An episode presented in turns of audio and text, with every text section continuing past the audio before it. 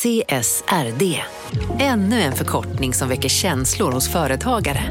Men lugn, våra rådgivare här på PWC har koll på det som din verksamhet berörs av.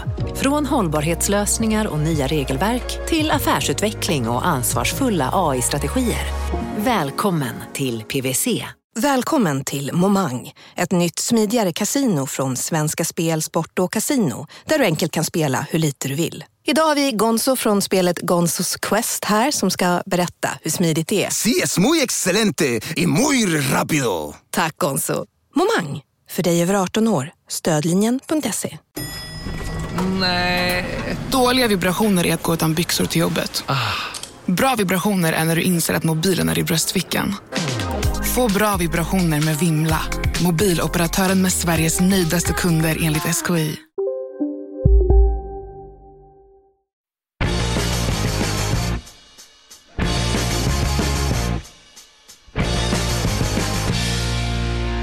Vulkaniska bitcoin, Solana NFT såld för 15 miljoner kronor och mannen som startade ett företag för att bli av med sina bitcoin. Ja, det är dagens De kallar oss krypto eh, och mycket mer ska vi säga. Mycket mer. Ja, det där var bara ett litet axplock av vad ni kommer få höra idag. Jag heter Mårten Andersson, jag är eh, entreprenör, komiker och framförallt kryptoentusiast som står bakom den här podden då tillsammans med min fina, duktiga, härliga ekonomijournalistkollega Gunnar Harrius. Mm. Jag vill lägga till en sak till på din, eh, din beskrivning. Eh, NFT-ägare? Frågetecken. ja, eh, det, så, ska vi börja där eller? Ja, varför Är inte? det så det blir då? Ja. Jo, men det stämmer ju. Jag har ju någon slags eh, gravbokstavskombination tror jag. Det är ett halvt alfabet. Det är, ett halv- det är från A till Ö. Det är täckt. Min mamma kommer bli så ledsen om hon lyssnar på det här. Ja. Men Hon bara, nej han har ingenting. Jag bara, jag måste, jag har någonting har jag. Ja, fattar. Eh, men jag har en all in personlighet. Alltså, jag har ju liksom jag har ju följt NFTs på, på håll och har varit lite boomervarning eh, på mig själv i att så här, ja, men vem ska betala de här pengarna för en, en, en, en JPEG, en bild eh, som bara går att kopiera. Men ju mer jag har lärt mig, desto mer eh, svårt har det blivit. Och, och jag har ju också sett hur sakerna rusar. Alltså det, de sticker ju flera projekt mer än själva coinsen, va, va, på vilken, där- vars blockkedja då de ligger. Just det. Jag såg en eh, kul tweet igår som var typ så, eh, hackade en NFT-börs igår med det nya smarta sättet högerklicka spara som. Okej, ja, det är bra. bra hack. Ja. Eh, ja, nej men det stämmer. Jag, jag har köpt ganska många NFTs. Jag äger inte bara en längre. Jag äger nog åtta, nio stycken. Oj, jag Ja, trodde jag- du köpte en. Nej, jag- jag Vad är det du har gått in på då?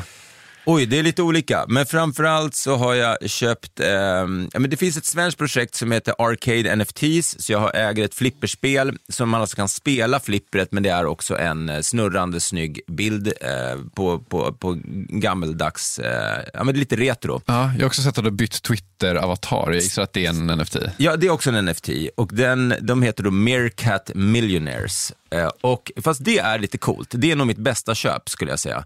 Eh, den kostade ju också lite grann. Eh, Får jag gissa? Ska, ska lyssnarna gissa? Vem gissar? Jag gissar. men du kan få gissa. Får jag se bilden?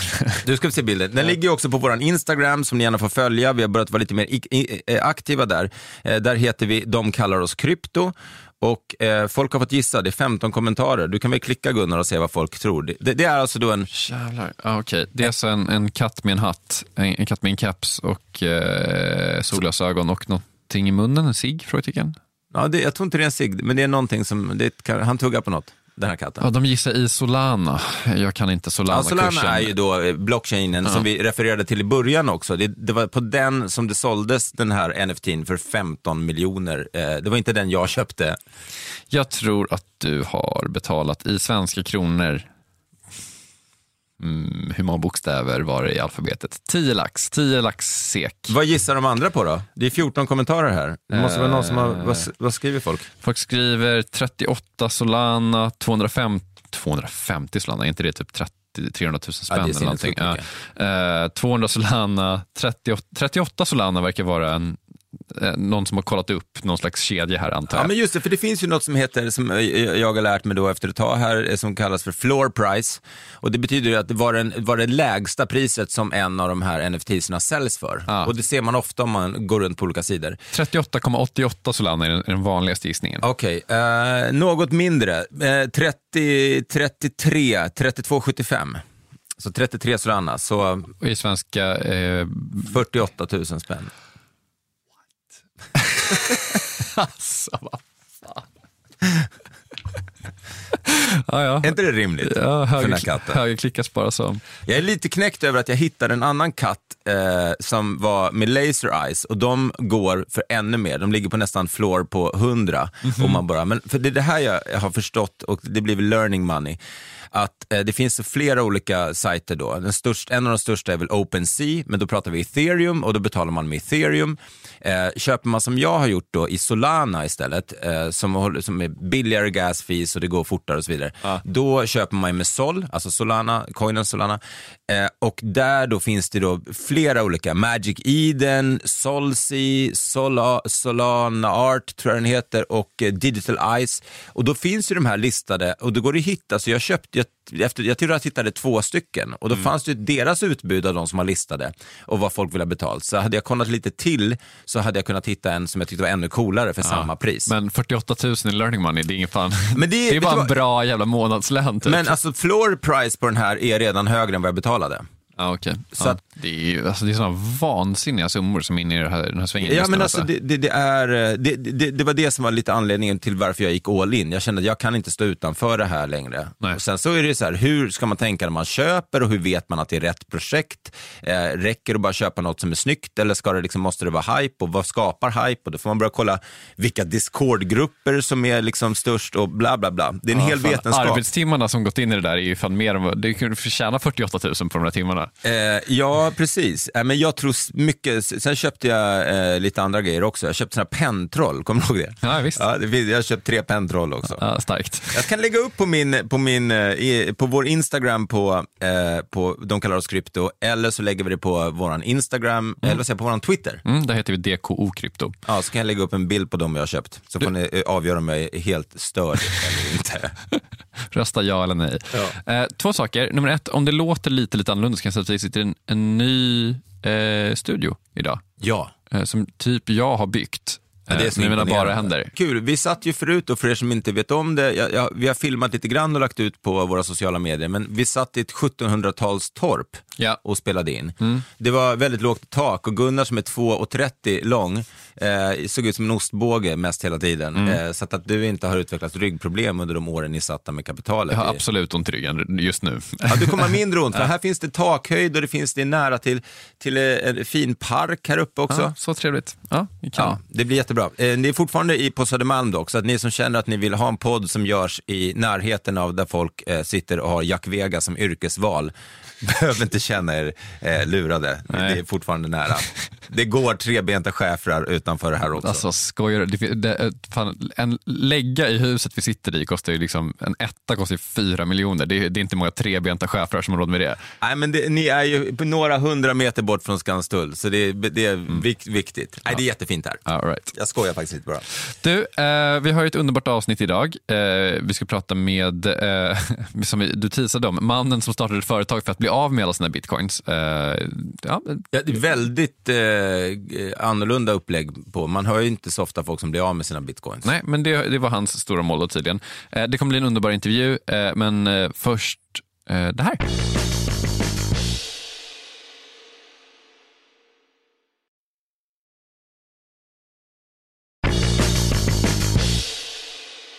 Right, Mårten, vi har ett, eh, ett matigt, brukar du säga, jag skulle säga långt nyhetssvep idag med många nyheter. Vi, vi tänker ju att alla sitter ju inte som vi och bara plöjer de här jävla kanalerna hela dagen, utan folk kanske har det här som primär nyhetskälla.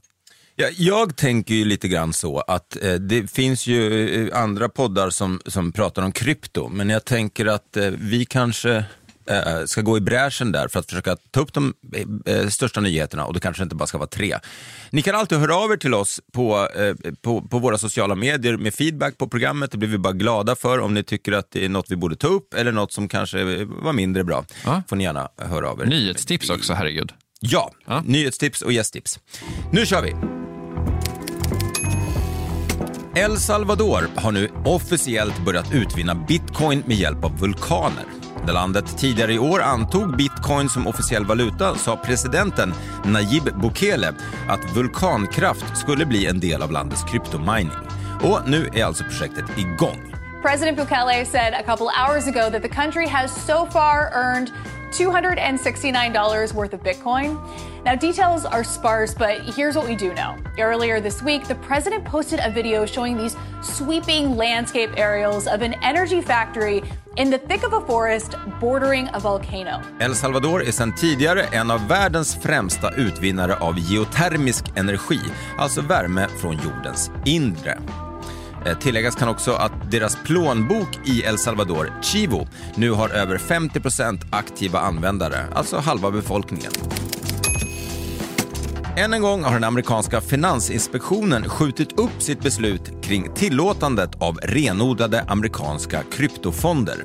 De kallar oss krypto och har tidigare rapporterat om inspektionens upprepade förseningar av sitt beslut och nu kommer alltså ytterligare ett. Tidigare i år har Finansinspektionens ordförande Gary Gensler dock uttryckt sig positivt om möjligheterna till så kallade ETFer, alltså fonder som skulle innehålla olika typer av kryptotillgångar. Men det får vänta till åtminstone december. Bitcoin är starkare efter Kinas förbud. Ja, de orden tillhör den amerikanska visselblåsaren Edward Snowden. Snowden har tidigare uttalat sig positivt om krypto och efter förra veckans kinesiska totalförbud gick han än en gång ut i försvar för bitcoin och krypto.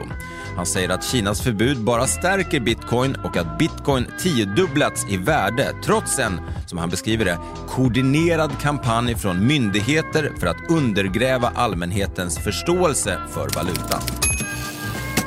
Techjätten TikTok ger sig in i NFT-gamet. Det sociala medieföretaget gick i förra veckan ut med att de planerar att arbeta med en NFT-lösning för att kunna kompensera alla de som skapar videor på plattformen. Vinsterna från NFT-försäljningen ska i huvudsak gå till videoskaparna, hävdar bolaget. Och det första släppet blir den 6 oktober då en stop motion-video till hiphopstjärnan Lil Nas X låt Montero ska säljas. Blockkedjan Solano har blivit en stor spelare vad det gäller NFT-er. Och i fredags gjorde de den dyraste försäljningen i blockkedjans historia. Motsvarande 2,1 miljoner dollar fick en okänd köpare hosta upp för det ovanligaste exemplaret av en Sol Monkey. En bild på en apa med en skelettkropp, orange jacka och en kungakrona. Försäljningen kan ses som ett tecken på att ethereum håller på att tappa sitt grepp om NFT-marknaden.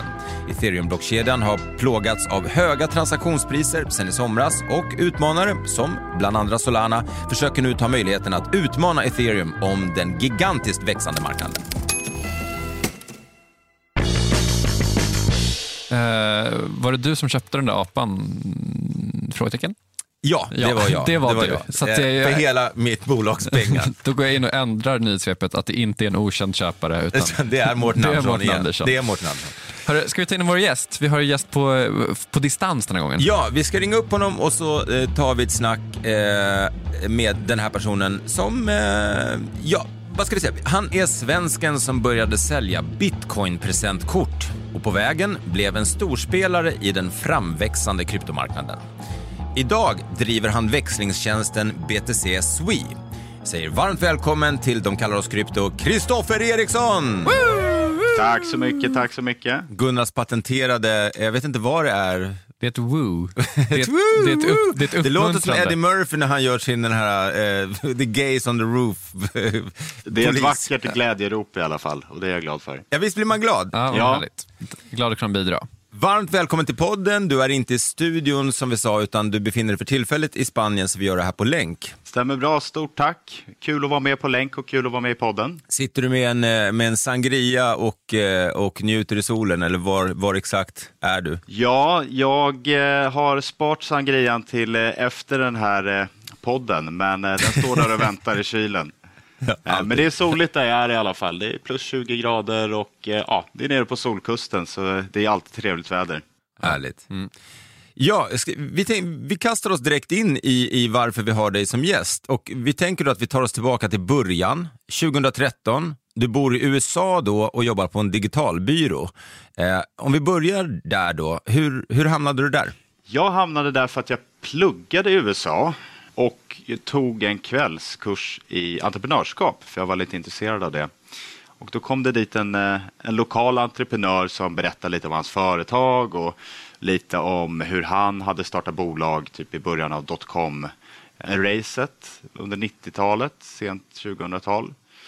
Och eh, efter den eh, föreläsningen så gick jag fram till honom och, och frågade vad jag kunde göra för att, att, bli en del av det han höll på med. För jag tyckte det lät spännande.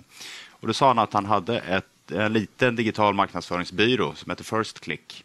Är det, är det när du befinner dig där som du också då eh, liksom når din första kontakt med, eh, med krypto? Ja, precis. Det stämmer. Eh, för en del av jobbet då var att sköta eh, det här webbyråns digitala eller sociala medier också och hitta lite artiklar om spännande teknologiska händelser och framsteg och sådär. Och då så sprang jag på en artikel om bitcoin och läste om det och tyckte det verkade väldigt intressant.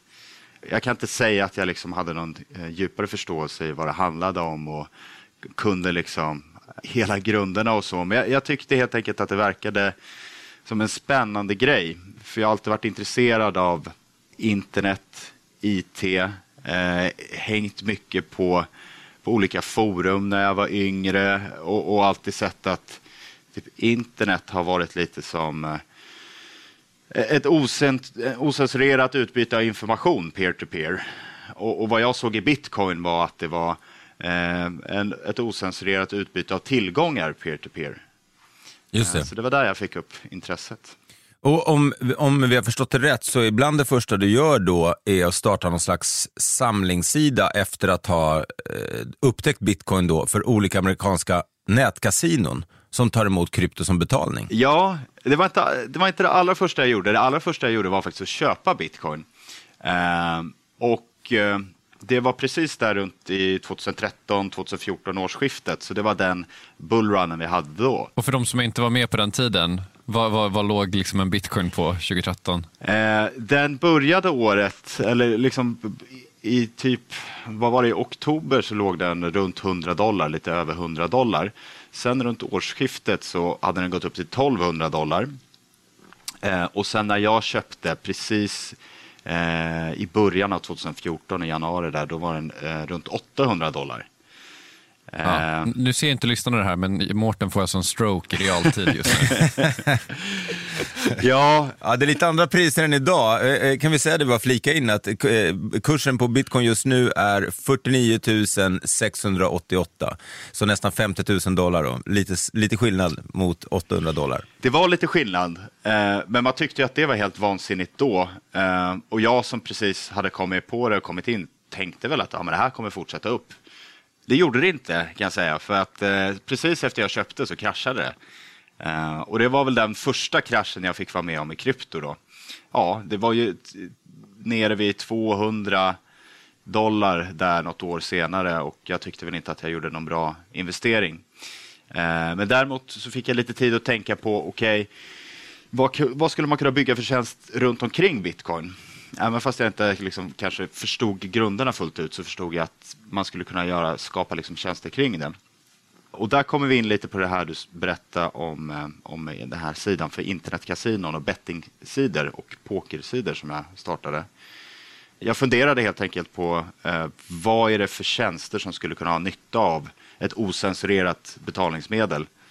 Eh, och eftersom jag bodde i USA då så hade jag lite koll på att där var det inte tillåtet med internetkasinon, det var inte tillåtet med sportsbetting online. Så att alla de här sidorna som kanske skulle vilja rikta sig mot amerikanska medborgare kunde inte ta betalt av dem eh, för att inga banker eller kreditkortsbolag eller så tillät dem. Så där såg jag en liten, eh, en liten möjlighet helt enkelt. Eh, och jag kunde ju inte bygga någon egen sån här kasinosida eller så.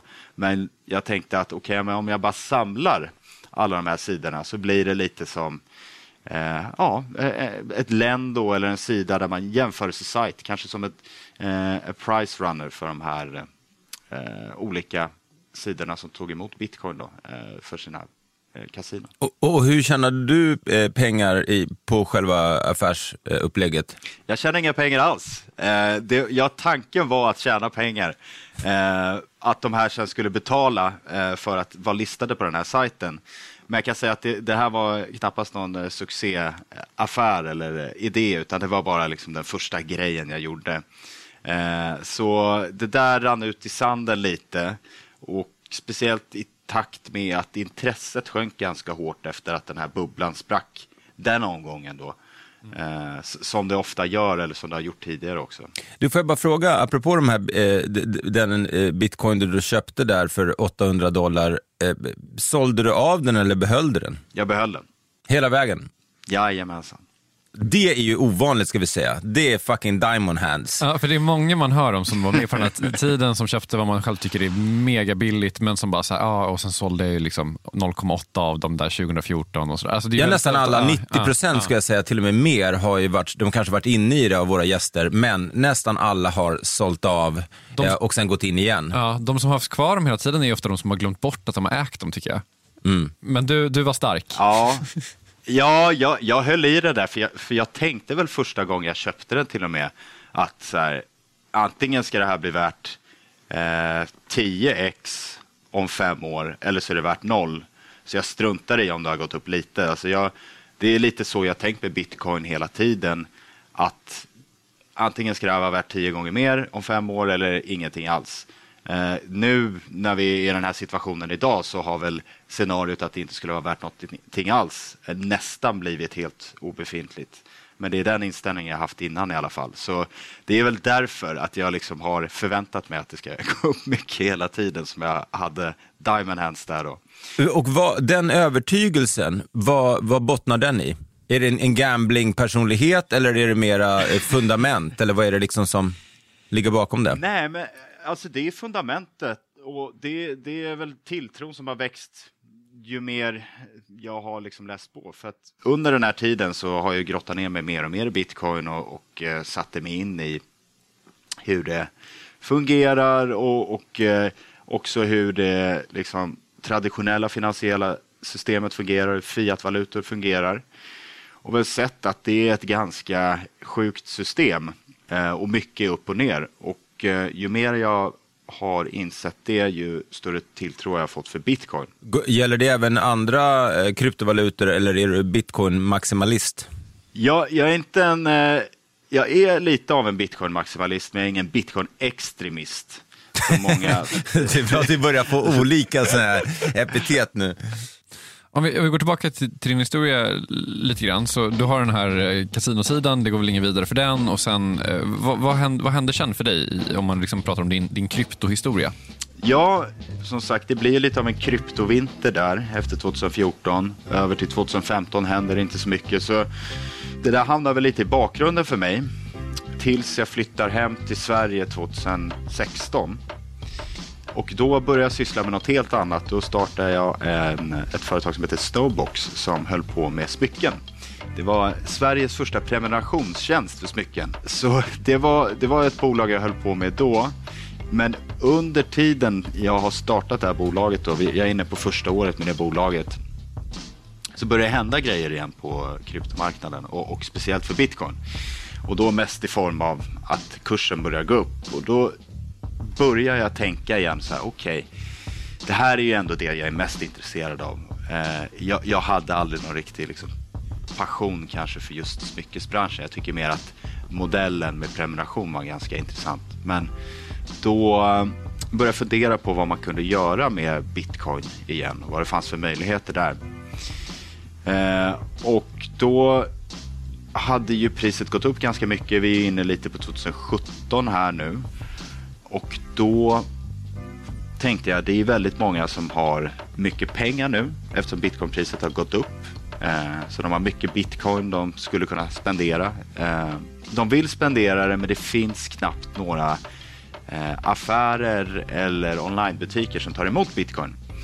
Så där såg jag en liten möjlighet då att kliva emellan därför startade jag då eh, Bitcoin-presentkort. Va, eh, imponerande entreprenör, eh, entreprenörigt måste jag säga. Eh, och, eh, och då, helt enkelt, du blir mellanhanden mellan x antal olika businesses där man kan köpa, använda sina bitcoin då för, att, för att köpa saker via presentkort. Stämmer bra. Så det var helt enkelt en hemsida där man kunde gå in, så kunde man köpa bit, äh, presentkort på eh, Ikea, på Zalando, på NetOnNet och så betalar man med bitcoin. Eh, så säg att eh, man hade en slant bitcoin, gick in, eh, köpte ett presentkort på 20 000 på Ikea. Jag tog emot deras bitcoin, skickade dem presentkortet och sen så kunde de gå och köpa en soffa för det till exempel. Det var ett ganska kul, för det var många, det var fortfarande folk som ville leka lite med det bitcoin och säga kanske att ja men titta den där soffan, jag köpte den för bitcoin eller jag köpte precis ett presentkort på Ving eh, och en flygbiljett med bitcoin och sådär. Så det var ganska nytt då. Eh, så man ville stoltsera lite med att det faktiskt fanns användningsområden för bitcoin och det inte bara var underground hype. Exakt, exakt. Men, men från din sida, där, alltså hur eh, finansieringen av det här, var det liksom en jättegamble från din sida att du, så, du tog emot bitcoin och för att finansiera och köpa de här presentkorten så sålde du bitcoin och du räknade med att priset skulle gå upp? Eller, eller liksom hur, och kom... betalade du då med, med, med svenska enkronor tillbaka? Så ja. att du egentligen köpte bitcoinen av de kunderna som köpte presentkort? Exakt. Ja, precis. Alltså, så jag köpte, bit, eller jag köpte presentkorten för svenska kronor. Eh, så jag var ju tvungen att växla de här bitcoinen till slut för att jag hade inte oändligt med pengar att köpa presentkort för och bara sitta och hodla de här bitcoinen tyvärr.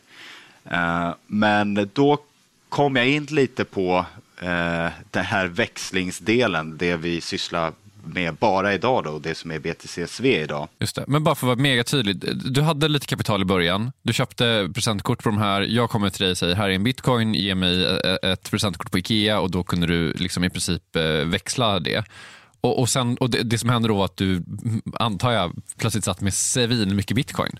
Stämmer. Och då ville du börja växla här för att kunna fortsätta finansiera presentkortsverksamheten? Eller ja, är, det, är det så man ska förstå det? Ja. Exakt. Okay. Jag var tvungen att, att, växla det någonstans helt enkelt. Eh, och då började jag att titta mig runt. Vad, vad är det bäst att göra det här? Och så kom jag in på eh, Local Bitcoins, eh, vilket är en sida eh, som är, funkar lite ungefär som Blocket för bitcoin. Eh, man skapar en användare som är en säljare då så lägger man upp en annons att jag säljer bitcoin eh, för den här kursen eh, och du kan köpa mellan 500 kronor och 15 000.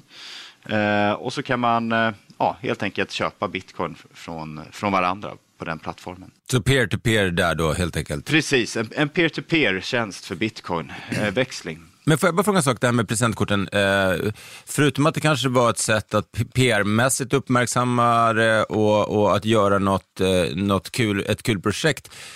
Varför inte bara köpa bitcoin för alla de eh, svenska enkronor som du uppenbarligen hade eh, på en vanlig börs? Ja, för att jag ville skapa en tjänst omkring det. Jag ville vara med liksom och bygga den infrastruktur som finns kring bitcoin. För att eh, jag, jag såg det helt enkelt som att det var en stor möjlighet och, och liksom kunna vara en del av det här nya eh, ekosystemet som växte fram. Eh, men också eh, kul bara och, och vara en del av det lilla communityt. Men, men det jag tycker är intressant med presentkortsidén, liksom, eh, för att det där är ju liksom en, eh, en grej som ju dyker upp idag väldigt mycket också. Att typ så här, folk använder inte sina bitcoin för att köpa vanliga grejer. Dels för att kursen är väldigt eh, liksom fluktuerande men också antar jag för att man tror att priserna ska gå upp väldigt mycket och folk tar inte emot. Men det var kul att du, du skapade en sån superkonkret användningsområde för det redan, eh, redan då. Ja, nej, jag kände bara eh,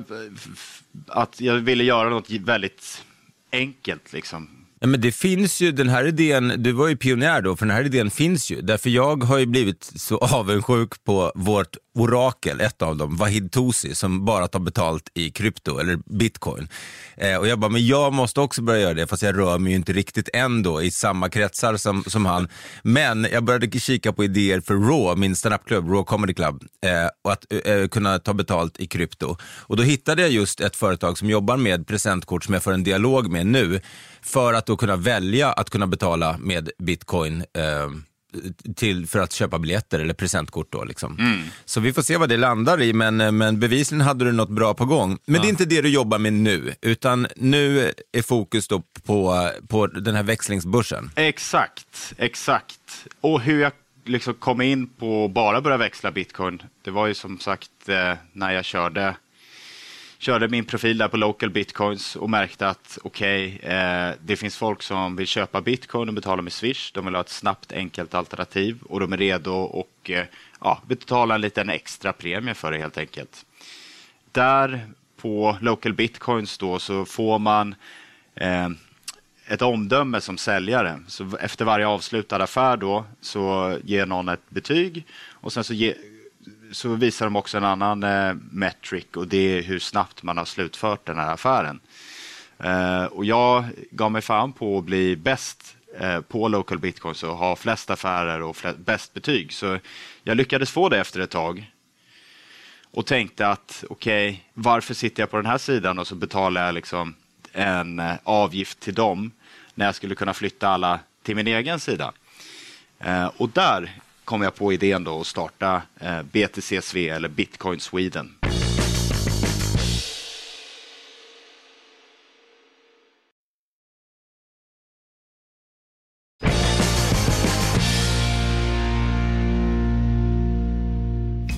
Kryptoskolan, lektion 16. Vad är teknisk analys? När det kommer till den renodlade tradingen med kryptovalutor så finns det eh, massa olika metoder som folk tar till. Vissa har helt enkelt bestämt sig för att ingenting kommer att slå att bara hålla i sina coins. Det här kallas ibland för hodl. Eh, vissa tittar på underliggande faktorer som utvecklingen av olika kodprotokoll och blockkedjor och sånt. Och vissa håller på med teknisk analys. Teknisk analys är ett sätt att trada som går ut på att man inte tittar eh, på fundamentala faktorer utan man tittar bara på kurvan eller grafen för att förutspå vad som kommer att hända med priset. Säg att man vill göra en teknisk analys av eh, Amazon-aktien. Då tittar man alltså inte på hur mycket Amazon har sålt eh, det senaste kvartalet eller hur deras etablering i Nordeuropa går. Istället så tittar man på historiska data kring hur aktiepriset har rört sig tidigare och så identifierar man ett antal köp och säljsignaler. Och på samma sätt så kan man alltså analysera kryptovalutor. Så att om du hör ord som candlestick, dragonfly eller gravestone, ja du vet du att det är någon som brinner för teknisk analys som finns alldeles runt hörnet. Det här med teknisk analys är ganska omstritt, eh, ska vi väl säga. Vissa menar att det absolut fungerar och att de har miljoner på banken som bevis för det. Medan andra då hävdar att det här mer är så astrologi för män och mest bygger på tur. Det man kan säga med säkerhet är väl att det är svårt och att man inte ska ge sig in i en teknisk analysmatch om man inte vet vad man håller på med. Men, okej, och frågan är då, hur i hela fridens namn startar man en bitcoinväxlingstjänst? Jo, det jag gjorde då till att börja med, det var ju det jag liksom visste vad jag kunde, eller som jag vet hur man gör och det är att bygga hemsidor. Eh, så jag byggde en jätteenkel hemsida. Det är i princip samma hemsida vi har idag fast lite uppsnyggad. Eh, och började skriva då till alla de här kunderna som jag hade på Eh, local bitcoins. Att tack för affären, men nästa gång kolla in eh, btcsv.com så får ni köpa för lägre avgift. Så då börjar jag referera över kunden till min egen sida via local bitcoins. Då. I samma veva som jag gjorde det så startade jag även eh, bolaget då och insåg också att för att syssla med det här så bör man ha en registrering med Finansinspektionen. Ja, det var precis dit jag skulle komma. Jag tänkte att det här har ju Gunnar som ekonomijournalist bättre koll på än jag, men jag tänker att man kan inte bara börja handla med, med massa pengar eh, utan att ha liksom någon slags eh, ja, men koll på sig. Så, så vad händer där då? Ja, men som sagt, jag insåg ju ganska snart att eh, att det här behöver registreras med Finansinspektionen eh, och jag började titta på okay, vad, vad är det för registrering som, som krävs och hur ansöker man efter en sån? Men den registrering vi har idag då, det är samma som alla fyra eh, svenska aktörer har, då, vare sig det är, det är Trio, BTCX eller Safello eller vi. Jag började läsa på vad som krävdes för att man skulle få registrera sig eh, hos Finansinspektionen. Och såg då att eh, det som Finansinspektionen tycker är viktigast är att man har rutiner för eh, ja, hantera penningtvätt och finansiering av terror terrorism, alltså åtgärder mot det. Då. Och där vill de ju ha ett, ett långt dokument som beskriver helt enkelt hur man riskbedömer sin egen verksamhet, hur man riskbedömer kunder, hur man kontrollerar att pengarna inte härstammar från eh, brottslig verksamhet, hur man kontrollerar att pengarna inte kommer hamna hos en terroristorganisation. Och jag är ju inte någon jurist i grunden och jag hade absolut inte registrerat något finansbolag innan. Men jag gav mig eh, fan på att eh, jag skulle, skulle göra det där ändå. Så, så jag satte mig och, och pluggade på lag 217 630 åtgärder om penningtvätt och finansiering av terrorism och, och liksom började skriva ihop det här dokumentet. Eh, och, och, det var ju en ganska lång process och det slutade med ett 40 sidor långt dokument. Eh, men sen så skickade jag in ansökan till Finansinspektionen och de eh, kom tillbaka med feedback några gånger om man säger så. Men sen till slut så sa de det här är Eh, uppfyller våra krav och jag fick registreringen helt enkelt. Och, och liksom hur, eh, på den här tiden, det är väl fortfarande så att Finansinspektionen kanske inte ligger i vad vissa skulle hävda är absolut framkant vad gäller liksom kryptoregleringar och, och sådär.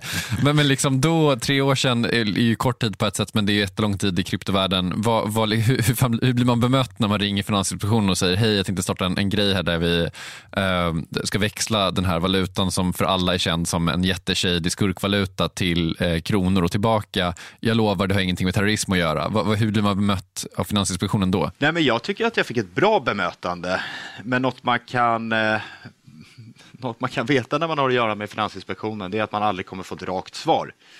Så att de kommer aldrig säga så här ska du göra, det här, liksom, det här måste du, de här eh, boxarna måste du checka, utan de säger här har du lagen, eh, här har du registreringen, skicka in det du har och så säger vi om det är okej okay eller inte. Men, men, kan man säga liksom att du startar i princip, alltså BTC Swede då, är det liksom någonting du i princip startar för att du har typ för mycket bitcoin som du behöver bli av med? Ja, på ett sätt. Och sen så var det väl bara att jag fortsatte. Sånt skönt ilandsproblem. ja har lite mycket bitcoin här, behöver göra något åt det. Fantastiskt. Nej, ja, förlåt, jag avbryter. Nej, men jag såg det, det var inte så att jag satt på någon, någon eh, hög med bitcoin som jag bara ville sälja, utan det var väl mer att för att kunna driva den här verksamheten med bitcoin-presentkort, där det hela tiden var ett flöde in av bitcoin, så var jag tvungen att ha en sida där jag sålde det på också. Om jag då kunde sälja det till en liten premie så såg jag att man kunde tjäna lite pengar i båda ändarna. Då. Eh, så det var väl där eh, behovet fanns. Och hur går det när du väl kommit igång med det här? Du skickade in de här 40 sidorna till Finansinspektionen. Vad, hur går det för BTCSV? Vad, vad händer? Liksom, hur går första åren? Det största utmaningen under de åren, det var eh, att få liksom, kunna ta betalt av kunderna. För att även fast man har ett bolag som är registrerat med Finansinspektionen och gör allt by the book och har en rutin för att eh, hämta in kundkännedom och sådär, så betyder det inte att svenska banker är så sugen på att ha en som kund. Så det fick man lära sig lite den hårda vägen, att eh, man ska ha både hängslen och livrem när det gäller att ta betalt av kunder. Hur ser den hårda vägen ut då? Nej, det ser ut som att eh, de helt enkelt slänger ut den från banken för att de ser att de tycker att den här verksamheten eh, förstår vi oss inte på. Eh, oftast så så hamnar man kanske med någon som inte har så stor på, koll på vad bitcoin är överhuvudtaget. Eh, jag minns bara min största, eller min första erfarenhet eh, var ju att det var en banktjänsteman som sa att ja, men det här det är ju bara narkotikahandel och liksom dark web-transaktioner så vi kan inte ha den här verksamheten hos oss. Liksom. Och, och, det jag tyckte var konstigt då var ju att de sa, ja, men vi vet inte var de här pengarna som du får in via Swish kommer ifrån. Och grejen är ju att de måste ju komma från en annan svensk bank som är kopplad till Swish. För det är ju bara storbankerna som är kopplade till Swish. Så eh, där tyckte jag att det var lite en liten tankevurpa att säga att de inte vet var pengarna kommer ifrån. För de bör ju rimligtvis ha gjort sin eh, KYC och AML på de pengarna innan de landar på ett svenskt bankkonto. Eh, men, men, kort och gott, alltså jag kan förstå svenska banker också. De ser väl inte en så stor uppsida i, i kryptovärlden just nu. Eh, ser väl inte att det finns så jättemycket pengar att hämta. Men däremot så finns det ju risk att göra något de inte förstår sig på. Och därför så är det lättare att och, eh, säga nej och neka ett konto än att behålla det. Jag läste senast i, igår, tror jag det var, eh, eh, på Trio News som hade en artikel om just SEB där Johan Javeus, som eh, ju är deras talesperson i det mesta, sa att de har ett enormt ökat intresse från kunder på, på kryptovalutor, men inga som helst planer på att, eh, att starta någonting inom krypto ändå. Ja, det var, han var med i eh, Bitcoin-podden tror jag och pratade om det här till och med. Och det var ja, därifrån artikeln kom. Okej, okay, okej, okay. ja. bra. Creddas den som creddas ska. Ja, exakt. Men det är, det är en kul inställning eh, som banken har. Våra kunder vill absolut ha det här. Vi har inga planer på att göra någonting. Just det. Så det verkar inte ha förändrats så mycket sen, sen du var i kontakt med dem. Eh, man kan ju förstå det, men det är ju samtidigt också ja, lite konstigt. och jag tror att, eh, att det där kommer, eh, kommer bli lite jobbigt för dem förr eller senare. För grejen är att bankerna har ju väldigt mycket makt, men de har ju bara makt så länge kunder har pengar i, i banken. Och om man tittar på hur det ser ut lite Eh, på internationell nivå och så, så flödar det ju extremt mycket pengar ut ur bankerna in i krypto. Jag, jag, tror helt enkelt att förr eller senare så kommer även svenska banker att vakna upp. Men, men det är trist för jag känner att vi är lite efter där faktiskt. Jag vet exakt vad vi ska göra Kristoffer, jag är entreprenör själv. Vi startar en, de kallar oss kryptobank. Eh, där vi bara helt vi nischar oss mot, mot folk som vill in i krypto men vill ha en traditionell svensk eh, trygg, eh, trygg hand att hålla Det är ju perfekt. Kristoffer har erfarenhet att deala med Finansinspektionen. Han kan säkert starta en bank också. Ja, det var det jag tänker. Jag kan inte ja. göra det utan honom. Jag kan stå för marknadsföringen. Ja. Eh, Exakt, du står för marknadsföringen, jag fixar oktrojen. Ja, det låter fantastiskt. Eh, men okej, okay, vad spännande. Men vilken typ av kunder hade du i början och, och liksom hur, har, eh, hur har det förändrats med åren, skulle du säga? Var det bara folk som köpte grejer på Darknet på riktigt, om vi ska vara ärliga? Nej, det, det var svårt att, att veta då, men eh, jag skulle väl säga att det, det var väl mest mindre transaktioner, unga killar eh, och de som var lite mer ja, med, eh, antingen datanördar eller lite kryptoanarkister eller ja, de som var lite mer early adopters. Eh, men nu för varje sån här ja, bullrun så har man ju sett att det blir mer och mer andra människor och olika typer av människor som kommer in. Eh, och eh, jag skulle säga i år så, så har medelåldern på de som köper bitcoin eh, höjts ganska mycket. Eh, och transaktion, alltså storleken på transaktioner och sådär eh, har ökat ganska mycket, vilket säger till mig att det är fler som köper för att hålla eller som en investering snarare för att köpa en, en liten slant för att göra en transaktion. Sen under 2020 och 2021 nu också, speciellt 2021, så har vi sett ett ökat intresse bland eh, företag som köper bitcoin. Och då är det oftast eh, ja, men ägarledda företag där eh, den som, som äger eller har startat företaget har hållit på lite med bitcoin privat. Och sen så tittar man på att det kanske finns lite fördelar att köpa via företaget. Då. Så därför körde vi faktiskt igång en, en del av vår tjänst som heter eh, BTC Business i våras. Eh, och den är lite mer nischad då för just företag som vill köpa bitcoin. Det här är ju lite så, det är så Mårten på ju. Eh, som vd i ett företag gått in och, och, och köpt massa eh, kryptobolag, eller? Stämmer bra. Jag har väldigt lite kassa kvar i Handelsbanken och har väldigt mycket flyttat till, ett, till en kapitalförsäkring då, på ISK. Dock har jag, det är ju då fortfarande certifikat ska man komma ihåg, men det kanske man borde se över att faktiskt köpa riktiga coins eh, även där. Men det där är ju en fråga som är sjukt intressant och som vi varit inne på lite grann men som säkert kommer komma mer och mer. Alltså den typen av så här eh, ja, men, eh, företagsledare som tänker att kapitalallokering är liksom den viktigaste frågan för ett bolag och att eh, bitcoin eller andra kryptovalutor skulle kunna vara liksom ett, ett tydligt alternativ för liksom en, att, att, bara ha pengarna på banken och, och låta dem ligga. Liksom. Att, det där kommer ju bli en stor marknad känner man ju. Och, och eh, en sak som jag, ju mer jag lär mig, eh, desto mer eh, attraktivt känner jag i alla fall att riktiga coins blir. När vi börjar prata om farming och staking och, och liksom de räntor man kan få eller om man låser vissa saker och man får airdrops. Det, det är så mycket saker som man inte kan få med ett cert. Eh, sen har ju CERT enorma fördelar utifrån ett skatteperspektiv, men det andra alternativet är, ska jag säga är minst lika intressant, fast av andra anledningar. Jag tänker om vi ska eh, avrunda lite grann. Eh, liksom, du pratade lite om, om det du sa alldeles nyss, liksom, hur, hur era kunder har förändrats och, och, det som händer nu med internationellt kapital och om Wall Street ska in. Upplever du liksom att din business, att BTC Swe har, har upplevts som mer eh, rumsren och, och behandlas bättre? Och, så här, och, och tror du, vart känner ni att ni är på väg? så att säga? Ja, men absolut, det tycker jag. att Det har förändrats mycket.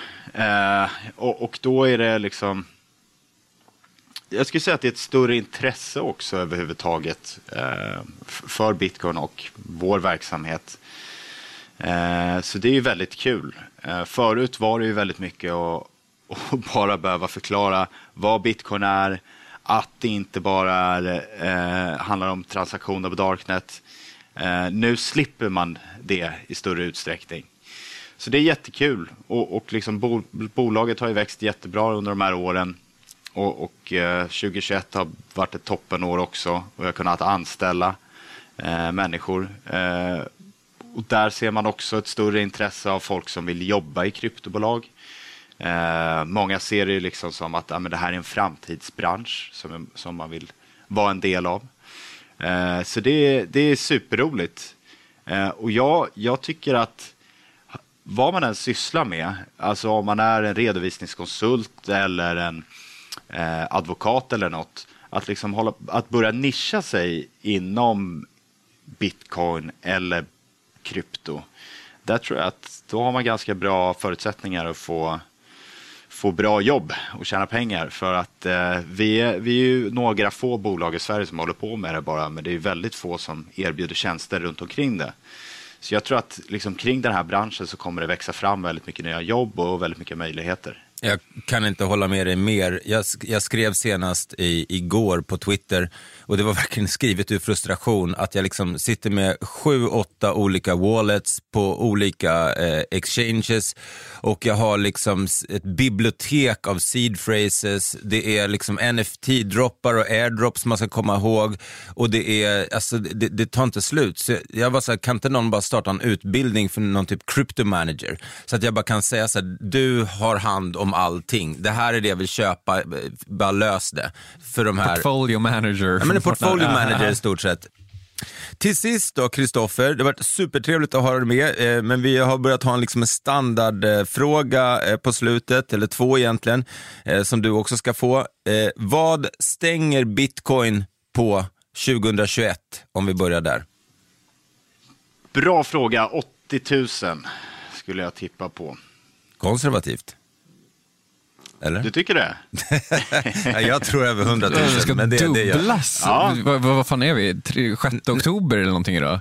Ja, nu är det Q4. Jag, ja. tror, att, jag tror att det smäller. Ja, okay. Men okej, okay, 80 000, jag ska inte påverka det du säger, men 80 000 dollar per bitcoin för 2021. Och om vi vrider fram klockan tre år, då, vad är en bitcoin värd då? Ja, eh, jag skulle säga 500 000 skulle jag tippa på, dollar då.